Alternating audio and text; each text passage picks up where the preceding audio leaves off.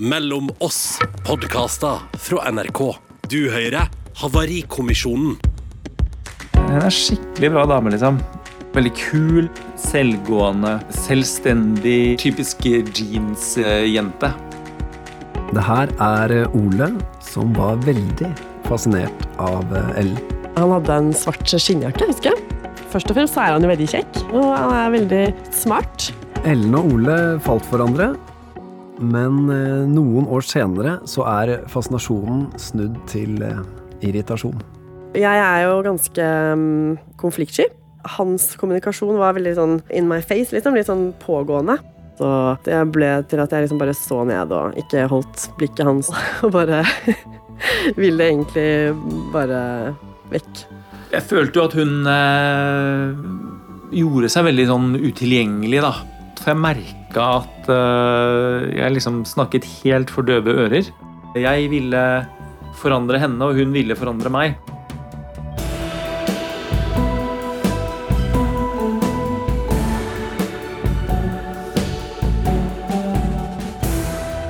Dette er eh, Havarikommisjonen. Jeg heter Eivind Sæther, og sammen med parterapeutene Katrin Sagen og Sindre Kvitil Aasli skal jeg dykke ned i det som en gang var en eh, lykkelig kjærlighetshistorie, og forsøke å finne ut hvorfor eh, forholdet havarerte. Katrin, vi hører jo dette paret sliter med kommunikasjonen. Hvor vanlig er det at man rett og slett ikke får til å snakke sammen? Altså, det er så vanlig at jeg vil si at alle par holder på med det. Er det sant? Ja, det tenker jeg. I hvert fall til tider. Ok. Sindre, dine helt sånn umiddelbare tanker når du hører eh, dette paret? At de høres uh, gjenkjennelige ut. Historien om Ole og Ellen starter en desemberdag i Moss. Ellen, som er i slutten av 20-årene, har reist hjem på juleferie, og der blir hun tilfeldigvis overtalt til å gå på en date. Jeg husker han kom og hentet meg, han skulle kjøre. Og så kom han og hentet meg hos mamma. Da ble mamma veldig glad, fordi det var en person hun kjente og visste at det var liksom, kom fra en ordentlig familie. og kjente, Visste hvem moren faren hans var. Eh, og så var vi ute og spiste litt og sånn, og så husker jeg at jeg var litt sånn klumsete. Jeg tror det var sånn kurv med, nachos som jeg klarte å helle liksom over han eller noe. Et eller annet helt sånn kjempeflaut. Eh, og så mm, kjørte han meg hjem. Så spurte han meg om eh, han kunne kysse meg. Veldig høflig. og ja, det fikk han. Det var veldig koselig første date, det, altså. Absolutt. I løpet av det møtet der, så plutselig eh, så var det et eller annet, da. Vi var veldig sosiale, og vi gjorde mye, liksom. Vi opplevde mye. Vi brukte jo byen. Vi var liksom mye på kino og konserter og ute og spiste, og vi var liksom Ja, det var sånn at folk var liksom misunnelige på oss. Fordi de syntes vi var så At alt var så perfekt. Det var kvalmt, liksom. vi kjøpte leilighet sammen bare noen måneder etter at vi ble kjærester. Og så gifta vi oss året etterpå. Så det gikk jo ganske fort. Jeg hadde funnet ut at jeg lette etter og nok hadde det best med en person som hadde et sånt grunnleggende godt humør og en litt sånn lett tilnærming til tilværelsen. da. En del av meg selv er sånn, men det er også en del av meg som kan være mer sånn alvorstung og eh, litt mørke tanker noen ganger, kanskje. At jeg ville ha godt av en som eh, ja, hadde en litt sånn der positiv grunninnstilling. Jeg tror kanskje liksom største sånn, sånn, hovedforskjellen eh, er nok at han har litt mer sånn livsalvor, da. Jeg er liksom det motsatte av det. Jeg er veldig sånn eh, optimistisk eh, og liksom Jeg har aldri møtt noen som er så sosiale som meg. Det høres jo ut som disse to har alle forutsetninger for et godt samliv. Altså, Så perfekte at folk syntes nesten vi var kvalme. Men vi sitter jo her som noen detektiver og prøver å liksom finne noen små ledetråder. Kan du se et eller annet som gjør at det her kan begynne å skurre etter hvert? Ja, jeg kan jo det. Og de gir oss jo noe her, da, et lite frempeik på hva som skal bli vanskelig mellom de, sant? Og som jeg tenker at du er inne på noe med med utrygghet her, som de varsler oss litt om, som sniker seg inn, på en måte. Mm. Men samtidig så sier de jo noe også om dynamikken sin, at han Og det, og det ja, de, han blir liksom den pågående, ikke sant, og hun blir en sånn konfliktsky, sier Dette her blir spennende å følge. Her ligger det ting. Mm. Men er forskjeller farlig? Altså skal vi, skal vi passe oss for forskjellene? Forskjeller er ikke farlige. Forskjeller finner vi uansett. Det er ingen som er helt like. Men vi ser på studier at hvis man har høy grad av likhet, så er det jo enklere på en måte å leve sammen. Men de som har forskjeller, det betyr ikke at de ikke kan leve sammen, men det betyr at de får litt flere konflikter gjerne. Trenger å ha en del flere samtaler om hvordan det kjennes når det blir vanskelig, fordi de kommer ikke intuitivt til å kjenne seg igjen i hverandres på en måte smerte. Ah. Men forskjeller er jo ofte det man forelsker seg i. Altså Jeg kjenner jo det selv, at det, åh, det der syns jeg er veldig flott, for det er noe jeg ikke har. Men så er det gjerne de etter en stund som kommer tilbake og biter deg i rumpa. Ja. Hvorfor skjer det? jo, det er, eh, det er en Altså til dels fordi at i starten så får du mye god drahjelp av, av forelskelseshormoner. Sånn at um, alle de tingene som er forskjellige fra deg sjøl, syns du er fascinerende og vil du ha mer av, og det kan du tenke at det trenger jeg i livet mitt. Og så når uh, forelskelsen ebber av etter hvert, så kan det begynne å bli irriterende i stedet, da. Ja. Men jeg føler jo, altså, det nesten er sånn at uh, det, kjærlighet er også et slags mattestykke som skal gå opp. Altså, det, skal, det skal klaffe og ende i et eller annet sånt balansert svar. Men det som vi må huske på, vi kan jo bevege oss, ikke sant. Det er jo ikke sånn at vi er eh, støpt i sement. Vi har jo sånn lite mm, spekter av oss selv hvor vi kan strekke oss litt og bevege oss litt og forme oss litt etter den andre, og hvor vi kan gjøre det begge to for parets skyld. Ikke sant? Og det er jo oppgaven vår. Og du får det til å høres ut som en koselig ting, men det der er ofte en dragkamp. Absolutt. Ja. Ja, da blir det jo vanskelig. Men jeg, jeg vet ikke med deg, Katrin, men jeg syns at veldig mange par som kommer inn og ønsker parterapi, da, presenterer individuelle forskjeller som deres hovedproblem. At vi er for forskjellige, så vi vet ikke om det her funker lenger. Og jeg må innrømme at jeg ofte Jeg tar ikke det alltid helt for god fisk. Jeg føler deg veldig, for dette er ekstremt ofte par begynner med nettopp det. Vi er her fordi vi har vokst fra hverandre, vi er for ulike. Og så går vi inn i liksom terapiforløpet, og så kjenner vi ja, men det er ikke nødvendigvis forskjellene som gjør at vi strever sånn, det er noe annet. Det er liksom mangel av kontakt. Det handler ikke om forskjeller, det handler om noe annet. Ja, at par kan jo gjerne snakke om forskjeller eller kommunikasjonsvansker. Og så kan eh, sånne som Katrin og meg tenke da fort at det er kanskje det som foregår over overflaten, men at det er noe annet som skjer under overflaten. Og det er jo det vi trenger å finne ut av for å hjelpe par eh, videre, da. Det høres ut som en bra overgang. Vi skal fortsette å titte litt under overflaten her også. Vi skal da følge Ole og Ellen videre i livet. De har gifta seg, bor i en koselig liten leilighet på Tøyen i Oslo. Og så kommer det et ganske naturlig steg i forholdet som ender opp med å gi dem store utfordringer. Jeg var veldig redd da, for at uh, den nye tilværelsen skulle liksom ødelegge det gode livet vi hadde sammen da. Hvorfor skal vi liksom forstyrre dette perfekte livet vi har nå? Det var ikke egentlig noe sånn kjempehastverk med å få barn, så det gjorde egentlig ikke noe at det tok litt tid. Tre-fire år, kanskje. Ja, barna da, ble til gjennom prøverør. Så på forsøk nummer to, så, så satt det. Og så var det to. Altså, det var jo litt sånn å shit, eh, tvillinger, liksom. Men det var jo allikevel et lite sjokk, da. Men egentlig så blir jeg veldig glad. livet liksom blir snudd helt opp ned. Når barna begynte i barnehage og jeg liksom dro tilbake i full jobb og sånn, så skulle vi jo etablere en helt ny hverdag, og da, da merket vi jo forskjellene våre litt større, og det var blant annet at jeg kanskje liksom ønsket å tviholde litt mer på liksom den sosiale delen av livet vårt, da. Og det ikke var så viktig for han lenger. Jeg var veldig sånn Nå var det familietid og, og bygge rede-innstillingen, liksom. Liksom det å, å få legge en ny sånn familierutine, da. Det syns jeg kunne være en litt vanskelig tanke, da. Rutinelivet, liksom. Det syns ikke jeg var så veldig tiltrekkende. det var jeg litt redd for. Skal det være sånn hver dag, liksom? At man skal stå opp, øh, liksom levere i barnehagen, hente i barnehagen, lage middag, komme hjem, legge barn, se på TV og sovne på sofaen, liksom? er det det det var? Han merket jo på meg at jeg var veldig sånn At jeg oppsøkte liksom øh, litt ut øh, av hjemmet, på en måte. Det ga seg litt sånne rare utslag.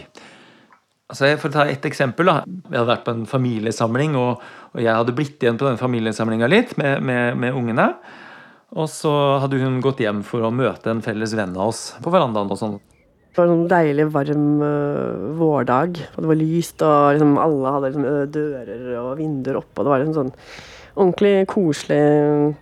Og så satt uh, han kompisen vår og jeg, vi satt ute på verandaen og tok en øl. Og så tok jeg en røyk av ham. Fordi det fikk jeg plutselig lyst på da. Og da jeg kom hjem, så satt hun liksom og, og røyka. Vi hadde liksom vært helt enige om at uh, det var liksom slutt på røykinga når vi skulle være foreldre, på en måte. Og, og det, var, det, var, hun helt enig i selv, og det var ikke noe hun var hypp på å gjøre. Men plutselig så Da hadde hun bare bestemt seg for at nei, nå skal jeg begynne å røyke igjen. og jeg bare Hæ? Skal du begynne å røyke igjen nå? Ja. Og eh, ja, jeg driter i hva du sier om det. Hvis jeg tar et trekk av den røyken, eh, så for han så var det en, sånn, en kjempebig deal, liksom. Mens for meg var det bare et trekk av en røyk. Og da er det jo klart at da blir det jo konflikt. Nei, jeg følte liksom, jeg syntes det var urettferdig. Jeg syntes det var uh, overdrevent og ja, litt barnslig, liksom. Altså, jeg gjorde ikke det for å provosere fra min side så var det jo bare at altså, jeg ønsket å ha det litt normalt igjen. Så var det liksom den normalen jeg var vant til. Det låter trivielt nå, men det var klart, det lå jo masse andre ting under her. Det, det ble på en måte bare symbolet på en eller annen sånn innstilling til det livet vi, vi var i der og da. Er det så farlig å ta seg den ene røyken? Er det jeg tenker her. Ja, men er det det det handler om, da? Den ah, ene røyken? Er det det? Den røyken ble jo på en måte crescendoet her på en uh, prosess som har vart i flere år, tror jeg. Som egentlig hørtes ut som begynte da barnespørsmålet først kom på bordet. Katrin, mm. denne røyken, hva er det egentlig den betyr for henne? For henne så tror jeg nok at det på en eller annen måte symboliserer hele livet. Jeg lever rett og slett. Jeg er ikke død. Jeg er ikke Det høres ut som en veldig god røyk. Ja, den tenker jeg var veldig god inntil uh, Ole kom hjem. Da ble ja. den ikke så god lenger. Sant? Men den, den, var nok det. Det er noe med å kunne kjenne at vi kan både ha familielivet som jeg nettopp har vært i, jeg kan bevege meg vekk fra det og sitte i denne lille oasen med min venn som, han, som på en måte gir meg litt tilbake noe av liksom følelsen av jeg i meg og det livet som jeg var redd for å miste. Mm. Og så kommer Ole hjem, og så blir jo dette noe helt annet for han. Og det handler jo heller ikke om røyken for han heller, ikke sant? Du, Hva handler det om for han? Det handler jo om at uh, det er tillitsbrudd som, som, forteller han at 'jeg mister henne'. Jeg mister deg. Ah. Du er ikke sammen med meg i livet. Og redselen da 'jeg kommer til å miste deg', egentlig. Mm. Nå ble denne røyken ikke noe god lenger i det hele tatt. Jeg tror veldig mange kan forstå hverandre mye bedre. Det er sånn med én om gangen. At han på sin side kunne snakka ut om hva er jeg redd for å miste, at f.eks. han gjør det først, og så bytter de etterpå. Jeg skjønner. Det høres ut som et slags konkret tips som er gi hverandre de, det kvarteret, og nå holder vi fokus på deg. Mm. Og det kvarteret, det, liksom, det er ikke sånn e-, engangskvarter. Disse samtalene bør man øve på å ha igjen og igjen og igjen og igjen. Oh, alt betyr noe mer enn det det høres ut som. ja. Men hvor, Sindre, når, når folk eh, kommer til deg og setter seg ned på kontoret ditt, hvor mye eh, handler om sånne ting som egentlig høres helt sånn absurd små ut, når man forteller om det? Eh, altså, hvor... altså, Hjemme hos oss mm. så er det sånn klassisk eh, Jeg skjønner at jeg sender ut et ganske dårlig signal hvis jeg f.eks. bare har glemt å rydde av bordet, som mm. jeg er typen til å gjøre. Mm. Men eh, det viser nok en gang at jeg leverer ikke helt på ryddefronten. Mm. Jeg syns det er en bagatell. Og hun syns at det forteller et eller annet litt større, mistenker jeg. Mm, ja. Eh, Jeg tror at det er når folk kommer til meg og tar det opp, så er det egentlig et tydelig signal på at det, eh, det er noe mer under. Altså for hvis det er bare sånne forglemmelser, som regel så rydder man opp i det ganske kjapt og kommer seg videre og glemmer det. Men det man blir liksom stående fast i, av de tingene som kommer igjen og igjen og igjen, det er et signal på at her treffer det et eller annet viktig i oss. Riktig, så Da skal man være litt obs hvis man kjenner at dette, her er, dette begynner å bli et slags refreng i livet vårt. Mm, ja, altså sånn. Ok, nå stopp, la oss stoppe opp litt nå. Sant, og du sier jo, Eivind, det du må gjøre der, er jo nettopp å melde henne. Og si det. Vit at når jeg glemmer å rydde sånn som jeg vet at jeg har gjort nå, og når du kommer hjem og ser at all dritten er fremdeles på bordet, vite at jeg vet at du blir lei deg. Og det var ikke derfor jeg gjorde det. Det var fordi at jeg er dårlig på å rydde, og jeg rakk ikke, og jeg klarer ikke å prioritere, og jeg skjønner ikke at det er viktig, men jeg vet at du kan bli lei deg for det, det vil jeg ikke du skal bli. Unnskyld. Det der skal jeg skrive rett ned etterpå. Ja. Sindre, har du noen trøstende ord til oss midt i A4-livet? Beklager. Nei, det var ikke det jeg hoppa på!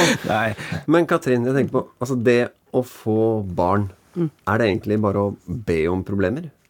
Ja, det, du gjør jo på en måte det. Ja. Du ber om å få et, en hel haug med nye oppgaver. Vi klarer ikke å være like gode på alle arenaer hele tiden. Og noen ganger så er parforholdet, sitter parforholdet litt på sofaen og venter. Og må vente, for det. det f.eks. handler om søvn mer enn sex. Ikke sant? Det, vi forsømmer en del, men vi holder på med noe, og det går jo over. Det går i ulike faser. Men Sant? alt det her er kanskje lettere hvis man er enig om at det er det man driver med. Ja, eller i hvert fall eh, at vi må, må snakke om det nok en gang.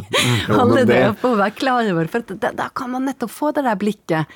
Hei, liksom kjæresteblikket. Det er noe med at man, man kan holde liksom erotikken og noe lidenskap oppe, og noen tekstmeldinger, noe, noe liksom En hånd på ryggen, på låret. Og så er det liksom den der Det er du og jeg oppi Ja. alt dette, og så snur vi oss og gjør det der Ja. barnelivet igjen. Ja. Ha en fin dag. Ja. Ja, det Det- er en god start. altså, det, er- det er et viktig element, tenker jeg i hvert fall. Og altså, ha en fin dag. Hvordan har dagen din vært? God natt. Ha det bra. Jeg savner å ligge med deg. Snart skal vi ligge igjen. Åh, koselig. Det der er, dette er gode råd. Havarikommisjonen. Vi skal tilbake til eh, paret vårt. For mens eh, tvillingene vokser til, så blir eh, forskjellene mellom Ole og Ellen enda tydeligere. Jeg syns hun var en fantastisk mamma, og jeg tror hun syntes jeg var en fantastisk pappa også i den perioden der. Det var jo bare den fysiske rammen av at vi hadde mye mindre tid, og da ble forskjellene oss imellom større. Nei, altså, det skal sies at jeg er jo veldig, veldig sosial og glad i å være sammen med folk. Jeg kunne jo bodd i kollektiv, på en måte. Og ha venner på besøk. Det er sånn som jeg likte veldig godt. Hun er jo liksom en eh, supervertinne. Det er alltid en godstemning og alltid et glass vin, på en måte. Det er bare at eh, jeg kan ikke gå inn i den stemninga så ofte som det hun gjør.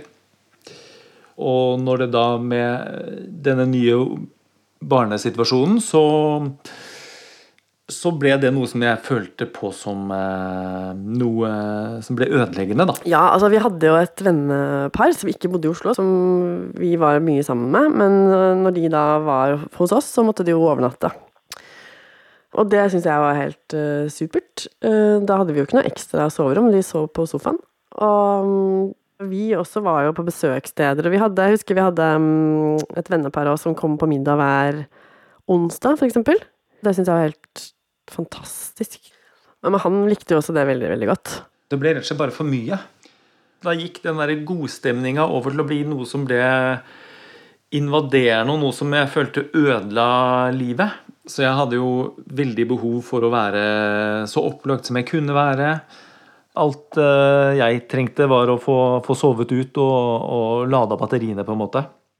Og jeg følte liksom at uh, man kan ha to tanker i hodet samtidig. Man kan fortsatt være liksom småbarnsfamilie, men ha gjester på sofaen, liksom. Da følte jeg liksom at han skulle liksom ta fra meg noe som var viktig for meg, da. Ikke sant. Det ble jo en, en liten sånn kamp. Jeg følte det som veldig urettferdig at, jeg skulle, at det var mitt ansvar å liksom sørge for alt som skulle være det praktiske, det, liksom det sunne, det ordentlige i familien. Og så skulle hun stå for all kosen, på en måte. Jeg skulle liksom ha den rollen og være den som eh, bar liksom den eh, hverdagen og den eh, Ja, men så skulle hun stå for moroa. vi ble jo veldig mm, sånn ekstremversjoner av oss selv. Ikke sant? Fordi at vi ville pushe den andre. Da var sikkert jeg liksom enda mer opptatt av at jeg skulle gjøre de tingene jeg hadde lyst til å gjøre, og så ble han sikkert enda sånn at han måtte stramme inn enda mer, da, følte han. Det kan jo være hva som helst. Altså, det kunne være alt fra altså, Nå må vi slappe av, vi kan ikke spise så mye, vi kan ikke spise sjokolade hver dag, liksom. Altså, ikke sant. Altså, nå må vi gå og legge oss, på en måte.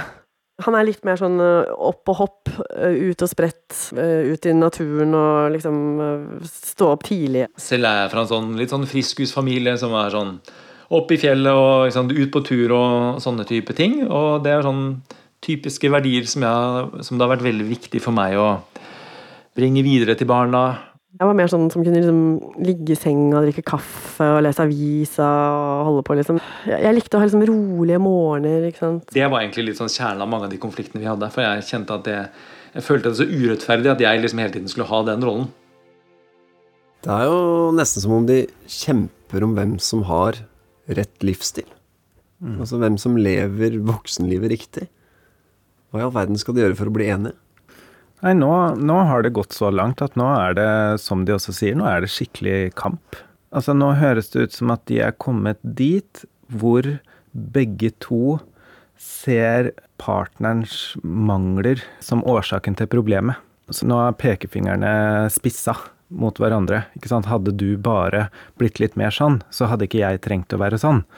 Nå er de skikkelig godt marinert i den onde sirkelen der, da. Og, og, hva er liksom nøkkelen for å bryte ut hvis man har starta sånn? Jeg tror nå at nøkkelen for å komme seg ut av dette um, Da trenger de å få hjelp til å rette pekefingeren mot den syklusen de er fanga i, heller enn mot hverandre. Skjønner. De er jo fanga i en syklus. Mm. Turer av gårde her, Katrin, mm. i hver sin retning. Han får jo her den litt sånn streite, kjipe, fornuftige, voksne rollen. Mm. Og hun står for moroa.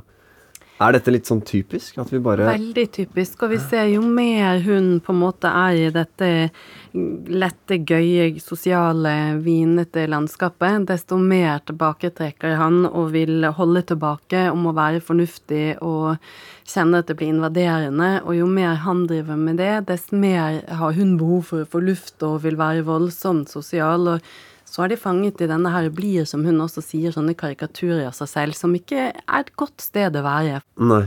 Alt blir liksom feil. Du er på vei vekk fra meg, jeg mister deg. Du skjønner ikke meg, du ah, vet ikke hvem jeg er. Det er irriterende. Det føles så dumt. Ja, det er så Men, vondt å se på. Man får bare mm. lyst til å si 'hei, dere elsker hverandre egentlig, kom hjem'. Ja. ja. ja. For begge to, begge to holder på med noe veldig viktig under overflaten her. Mm. Og det er ikke sånn at den ene har rett og den andre har feil, da, men det er jo det de er fanget i nå. Sant? Og begge to sitter i noen roller de ikke har lyst til å være i. Ja. Og det er jo supersmertefullt, sant? Ja. Mm. Hva skulle de ha sagt til hverandre? Hmm. Ja, de kunne jo sagt noe som sånn her, vet du, nå, nå går jeg rundt og er en slags idiotutgave av meg selv, og jeg tror det er fordi at jeg ikke helt skjønner hva vi driver med i livet. Jeg er livredd for at vi ikke skal ha noe gøy f.eks., hvis jeg er henne, eller jeg er livredd for at uh, du ikke er med på en måte voksenlivet. Jeg føler meg så aleine hvis mm. jeg er mm. han. Så dette her må vi rydde opp i, for vi kommer til å miste hverandre hvis vi fortsetter nå. Hvis du kan komme dit og snakke om lengslene og, og det du savner, så er det så mye lettere å, å møte hverandre med empati, da, som styrker båndet. Men hvis du bare blir i irritasjonen og oppgittheten, så slites båndet. Ja, altså det er, ja. Det er, det er store ting som står på spill her. Vi skal fortsette granskingen vår av dette paret. La oss høre hvordan det går i forholdet til Ole og Ellen. Gjennom det da påfølgende året så bare gled vi liksom, Så begynte vi da å, å leve mer to separate liv. Og vi, vi, snakket mindre og mindre om eh, det vi, det vi opplevde, og det Ja, i det hele tatt. Jeg følte at jeg hele tiden måtte gå på akkord med, med meg selv, og at uh, jeg måtte liksom henge med litt på en tilværelse som ikke jeg uh, følte meg komfortabel i, med, med småbarn og Og jeg ga opp på en måte å prøve å bli hørt noe mer. Det ble jo litt taustere. Det gjorde det. Det var jo veldig ofte at vi bare begynte å gjøre andre ting, da. Se på TV eller spise mat eller Ja. Det ble jo Jo mindre vi snakket sammen, jo mindre hadde vi å snakke om òg. Jeg følte veldig på at hun bare skrudde av. Jeg husker veldig godt den følelsen at jeg Jeg tenkte at hvis jeg bare får henne til å forstå hva det er jeg mener, så vil dette liksom løse seg. Men det det var ikke sånn i det hele tatt. Jeg er jo ganske um, konfliktsky. Han er ikke redd for en, eh, liksom en krangel eller en uh, diskusjon. Hans kommunikasjon var veldig sånn in my face, liksom. Litt sånn pågående, påtrengende. Og liksom følte at jeg kanskje liksom ble sånn angrepet, nesten. Fordi at han bruker mye armer og har liksom høy stemme og liksom er veldig sånn voldsom i uttrykket sitt. da. Og da blir jeg i sånn helt forsvarsposisjon, på en måte. Og jeg liksom snakker lavt og vil helst egentlig ikke snakke om det i det hele tatt. Så kjente jeg på det presset fra han at bare, nå sitter han sikkert og venter på at jeg skal liksom si noe om noe. Det ble til at jeg liksom bare så ned og ikke holdt blikket hans og ble som en sånn ball og bare ville egentlig bare vekk. Vi var mindre til stede i hverandres uh, tanker og liv. Uh, jeg ville forandre henne, og hun ville forandre meg, på en måte. Det ble en veldig negativ uh, spiral. Det var veldig, veldig sjelden at krangler og diskusjoner endte med Ok, beklager, liksom. Det var dumt av meg. Eller altså, at begge sier det, på en måte. Det skjedde jo aldri, sånn at jeg følte liksom at vi veldig sjelden fikk liksom avsluttet greiene våre. Det var noe som hele tiden ikke ble, ble snakket om, så det var akkurat som at jeg gikk og følte hele tiden på at det var bare noe som var liksom glattet over. En sånn, en sånn overflate. Og så lenge overflaten var grei nok, så tror jeg det føltes da greit nok for henne, men det føltes ikke nok for meg, da. Og, og vondt, for jeg merka at uh, jeg liksom snakket helt for døve ører. og jeg følte jo at hun eh, gjorde seg veldig sånn utilgjengelig, da. Han grubler mer. En mer sånn grublende type. Hun kan gå og kjenne på ting og føle på ting og tenke på ting. Uh, mens jeg er nok litt mer sånn som person Litt mer sånn um, Ja, at jeg liksom børster det av meg, da. Det ble mer og mer uttrykt, fordi uh, jo lengre fra hverandre vi kom, jo mindre følte jeg at vi var på lag, da. Jeg husker at det ble også en veldig sånn ensom tilværelse for meg. Det blir ensomt, og det blir ganske stille. Her er det liksom eh, som det ligger et eller annet sånt mørkt og vondt i rommet som ingen orker å ta i. Mm. Og jeg tenker på den stillheten. Hva er det du hører i den? Der hører jeg masse smerte. Der hører jeg, sånn som de forklarer det nå, masse motløshet og redsel for at det ikke skal gå. Der hører jeg at de er fanget, som vi sier, stuck i denne dynamikken hvor de presser hverandre, på en måte ikke med vilje, men begge to presser hverandre ut i disse karikaturene og lager skikkelig brudd i kontakten mellom dem. Stillhet. Jeg tenker, Sindre, at eh, ofte så er det en i paret som er best til å krangle. og så kan man som den andre bli litt sånn eh, lamslått og passiv. Mm. Det, altså, jeg tenker vel kanskje mer at de er på en måte gode eller dårlige på å krangle på hver sin måte. De har bare ulike måter de håndterer seg selv på. Og én håndterer seg selv ved å bli mer framoverlent og den andre håndterer seg selv med å bli mer bakoverlent. Og de treffer jo akkurat hverandre der det gjør vondt. Men nå er det jo gått over i en ny fase. Du hører jo på stemmene deres at uh, det er en annen musikk som spiller nå. Det er ikke kamp lenger. Det er mer stillhet. Og jeg kan forstå det, for du blir jo helt utmatta av å gå og være i krigen. Mm. Sånn at de har begynt å gi opp fordi det er for vondt å prøve å være nær hverandre.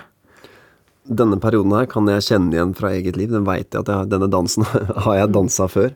Og den er uendelig vond og slitsom, og du blir jo helt svimmel i huet. Men de sier jo her at de ikke avslutter diskusjonene de har. Og sånn tror jeg virkelig at det er mange som holder på. At det bare blir gående og skure. Er det sånn da at én må bare bryte ut og si unnskyld? En nydelig vei å gå inn og bryte og begynne å ta ansvar for mitt bidrag. Sant? Ja. Det er det helt motsatte av å sitte og peke på den andre hva den andre gjør feil. Når jeg blir stille på denne måten, så vet jeg at du blir lei deg. Fordi at eh, da tror du at jeg ikke er interessert i oss. Jeg skjønner. Ja. Men Sindre, hvis én begynner med dette, er det sånn da at den andre automatisk følger etter? Ikke automatisk, men det er jo, er jo med på å bygge en, eh, en kultur i parforholdet for å kunne ta sanne sjanser. Da. Du øker jo sannsynligheten betraktelig hvis du tør å være den som tar det steget øh, og be om unnskyldning eller ta ansvar. Da. Hva gjør det, hva skaper det i den andre? Det skaper en øh, følelse av å bli sett og forstått, som er beroligende. beroligende. Og da blir det lettere å vende blikket inn på deg sjøl og kunne ta ansvar for det du har gjort også. Som regel øh, så har begge ansvar når øh, ting går øh, gæren vei, da. Men vi må begynne med det. For hvis jeg eh, blir sårbar og, og gråter, f.eks., og er lei meg på ordentlig, eller er redd og gråter, så er det mye større sannsynlighet for at min manns tilknytningssystem, altså at hans um, tilhørighetssystem skrus på, hvor han får lyst til å trøste meg, enn at jeg blir hard og sier fuck you inni meg, og sier yes, jeg tar og uh, leser litt, jeg. Så Sindre, det vi snakker om her, er egentlig å tørre å være litt modig. Ja, tørre å, være, tørre å vise seg sårbar. For parforholdet så er det jo det. Fordi at vi vi har et grunnleggende behov for å føle oss, eller kjenne oss sett, anerkjent, gyldiggjort av den andre. Og så har vi et grunnleggende behov for å kjenne oss trygge. Og i en sånn dynamikk så kjenner de verken det ene eller det andre, de grunnleggende behovene. Og da kodes det som fare for kroppen. Så det er jo rett og slett usunt. Og når vi går i beredskap, og når på en måte nervesystemet vårt sender ut faresignaler som gjør at vi går i beredskap og får en slags fight-flight-reaksjon, om det er hamrende hjerte som forteller at bare jeg får fortalt deg nok hva- vi egentlig står i, så vil du skjønne meg. Mens hun kjenner helt motsatt. Når han angriper meg, jeg må forsvare meg, så hun trekker seg vekk. Så det at um, dette er et veldig vondt sted å være for begge. Eneste måten å komme ut av det på, er å begynne å rote i dette systemet som nærmest er automatisk. For at vi får rett og slett dårlig immun... Vi blir syke av det fysisk syke. Ja, jeg veit. Jeg, har- jeg har blitt det sjøl. Jeg, Ja. jeg, jeg får nesten vondt av å snakke om det. Ja. Jeg husker den der uendelige nummenheten. Ja, Men hva er det å rote i det? Hva er det å bryte i det? På en eller annen måte å si komme på lag igjen og kjenne her er, det, er vi begge to tapere. Det vi holder på med nå, vi er fanget av en storm som trekker oss rett ned i det mørkeste dypet. Vi må opp, vi må ha luft, vi må skjønne hvordan vi sårer hverandre, vi må skjønne hva vi, hva vi er ute etter, hva vi trenger, vi må kjenne at vi er på lag, vi må finne det felles prosjektet vårt, familien vår, parforholdet, vi må vi må, vi må finne de der to som var så sinnssykt gode at alle ble kvalm av hvor gode vi var. Hvor er de? Ja, Så Nesten litt synd at du sa akkurat det. Fordi hverdagen til Ole og Ellen blir faktisk etter hvert så vanskelig at de bestemmer seg for å flytte fra hverandre i en periode. Og det som skjer da, er at nye dører åpner seg for dem begge. Og så var jeg mye trist, husker jeg. Jeg var mye sånn trist. Sånn gråt på bussen på vei til jobb og liksom, du vet. Med full buss og alt. Det sier bare litt når man på en måte eh, er så lei seg at man ikke klarer å vente til bussen stopper. Vi hadde jo gått veldig mye sånn fram og tilbake i, i en lang stund, liksom, hvor vi ikke klarte å liksom, ta et ordentlig valg. Ja, jeg, jeg sa liksom eh, Vi må prate sammen, jeg har noe jeg må fortelle deg. Satt i stua i en sånn stor, svart eh, hjørnesofa. Med leker overalt. Men det var sånn verandadøra som sto, sto og gløtt, og sånn typisk sånn varm augustkveld. Da satt vi uh, Ungene hadde akkurat uh, blitt lagt, de hadde akkurat sovna, liksom. Uh, det var jo akkurat som at uh, bortimot halvannet år hvor det liksom er stillhet, da. Som plutselig ble brutt. Jeg ble tatt av en sånn veldig voldsom gråt. Sånn, sånn hikstegråt. For det var den der følelsen av at nå, nå ryker jo dette. Uh, jeg, jeg uh, Ja, jeg Jeg hadde, jeg hadde liksom uh, møtt en annen. Det kjentes ikke som at det var et uhell for meg. Altså Det var på en måte Det var et symptom på at jeg hadde gitt opp. Så ble han veldig forelska i en annen. Så kommer hun og fortalte at ja, når sant skal sies, så har hun egentlig hatt et forhold til en fyr. Og jeg også liksom hadde begynt å liksom treffe andre, og det var liksom gått litt for langt, egentlig.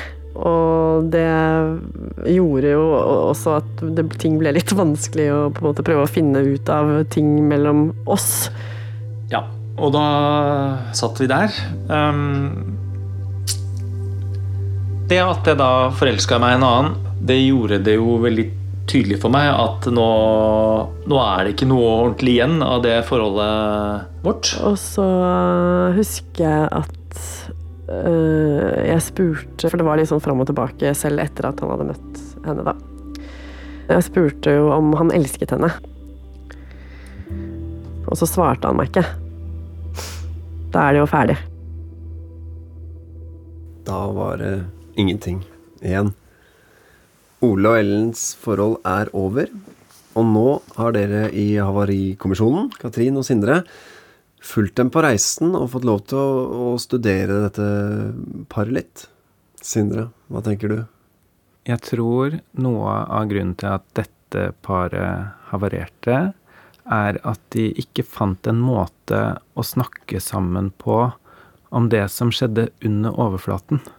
Men eh, da var det det under overflaten som regjerte hele samlivet deres. Og det rev de fra hverandre. Det her det har jo nesten vært en litt sånn vond runde, for vi følte jo veldig at her, her, var det håp, og de hadde noe så bra gående. Men så faller det sammen allikevel. Ja, her ser vi sånn, et sånn skikkelig eksempel på hvordan disse dynamikkene, de negative dansene, liksom kan rive fra hverandre to mennesker som egentlig er veldig gode for hverandre, og hvor de plutselig tror de er fiender. Huh. Mm. Så hvis du hadde hatt muligheten til å gå på dem på gata utafor den meksikanske restauranten i Moss den første julekvelden, Katrin, og kunne gi dem et lite råd på veien, hva mm. hadde det vært? Dere kommer til å skikkelig kjenne på forskjeller og på en eller annen måte bli dyttet inn i eh, noen sånne karikaturer av dere selv. Og når det skjer, da skal dere stoppe opp og snakke om hva som egentlig foregår på, på nede i magen og hjertet, og hva som gjør vondt, og hva dere blir redd for, sånn at dere kan finne felles plattform, for det har dere egentlig. Det er masse å kjempe for. Og um, det kommer snart til å bli et veldig, veldig kult par, og det skal dere verne om. Jeg sitter med en sånn veldig følelse at jeg må jo passe på å huske å snakke om det som skjer litt under overflaten, Sindre. Ok, her kommer Sindres tips. Dere kommer til å kjenne begge to uh, at dere kommer til å bli redde. Og vær obs på og legg merke til når du blir redd, og si det. Åh, oh, det er fint. Det er et eller annet her med at liksom man skal tørre å gå inn i det som gjør litt vondt, og tørre å være sårbar. Veldig. Jeg vil også si akkurat det samme. det var så fint. Ja. Gjør det, alle sammen. Og du ah. som hører på det, gjør det du ja. når du blir redd. Leve kjærligheten. Leve sårbarheten. Havarikommisjonen. Nå er jeg spent på hva paret selv har å si.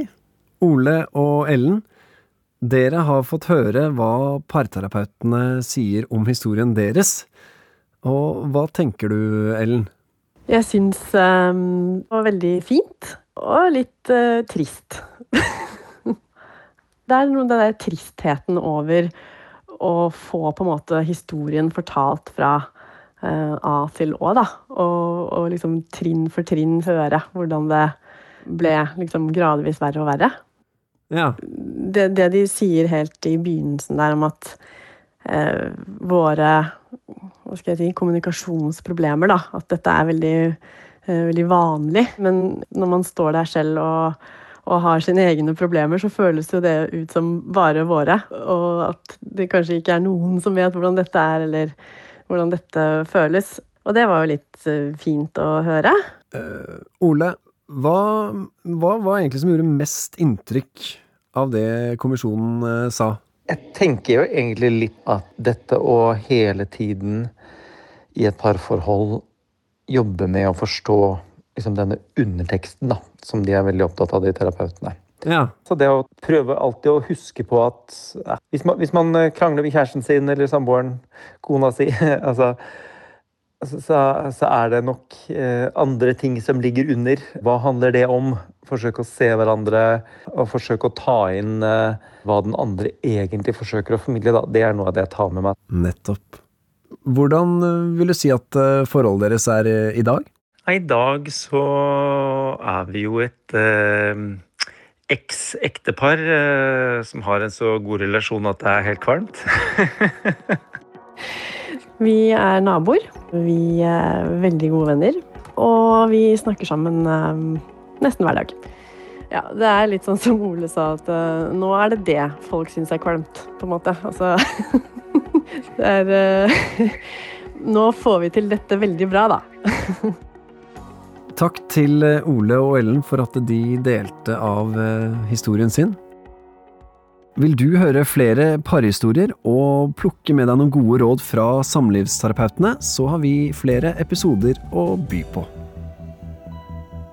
Det gikk farlig lang tid da, mellom hver gang vi, vi var intime, på en måte spesielt etter at en får barn, var det jo definitivt mindre tur til New York og Stockholm og gå ut og spise god mat og Det å være kjærester, det å være bare oss to.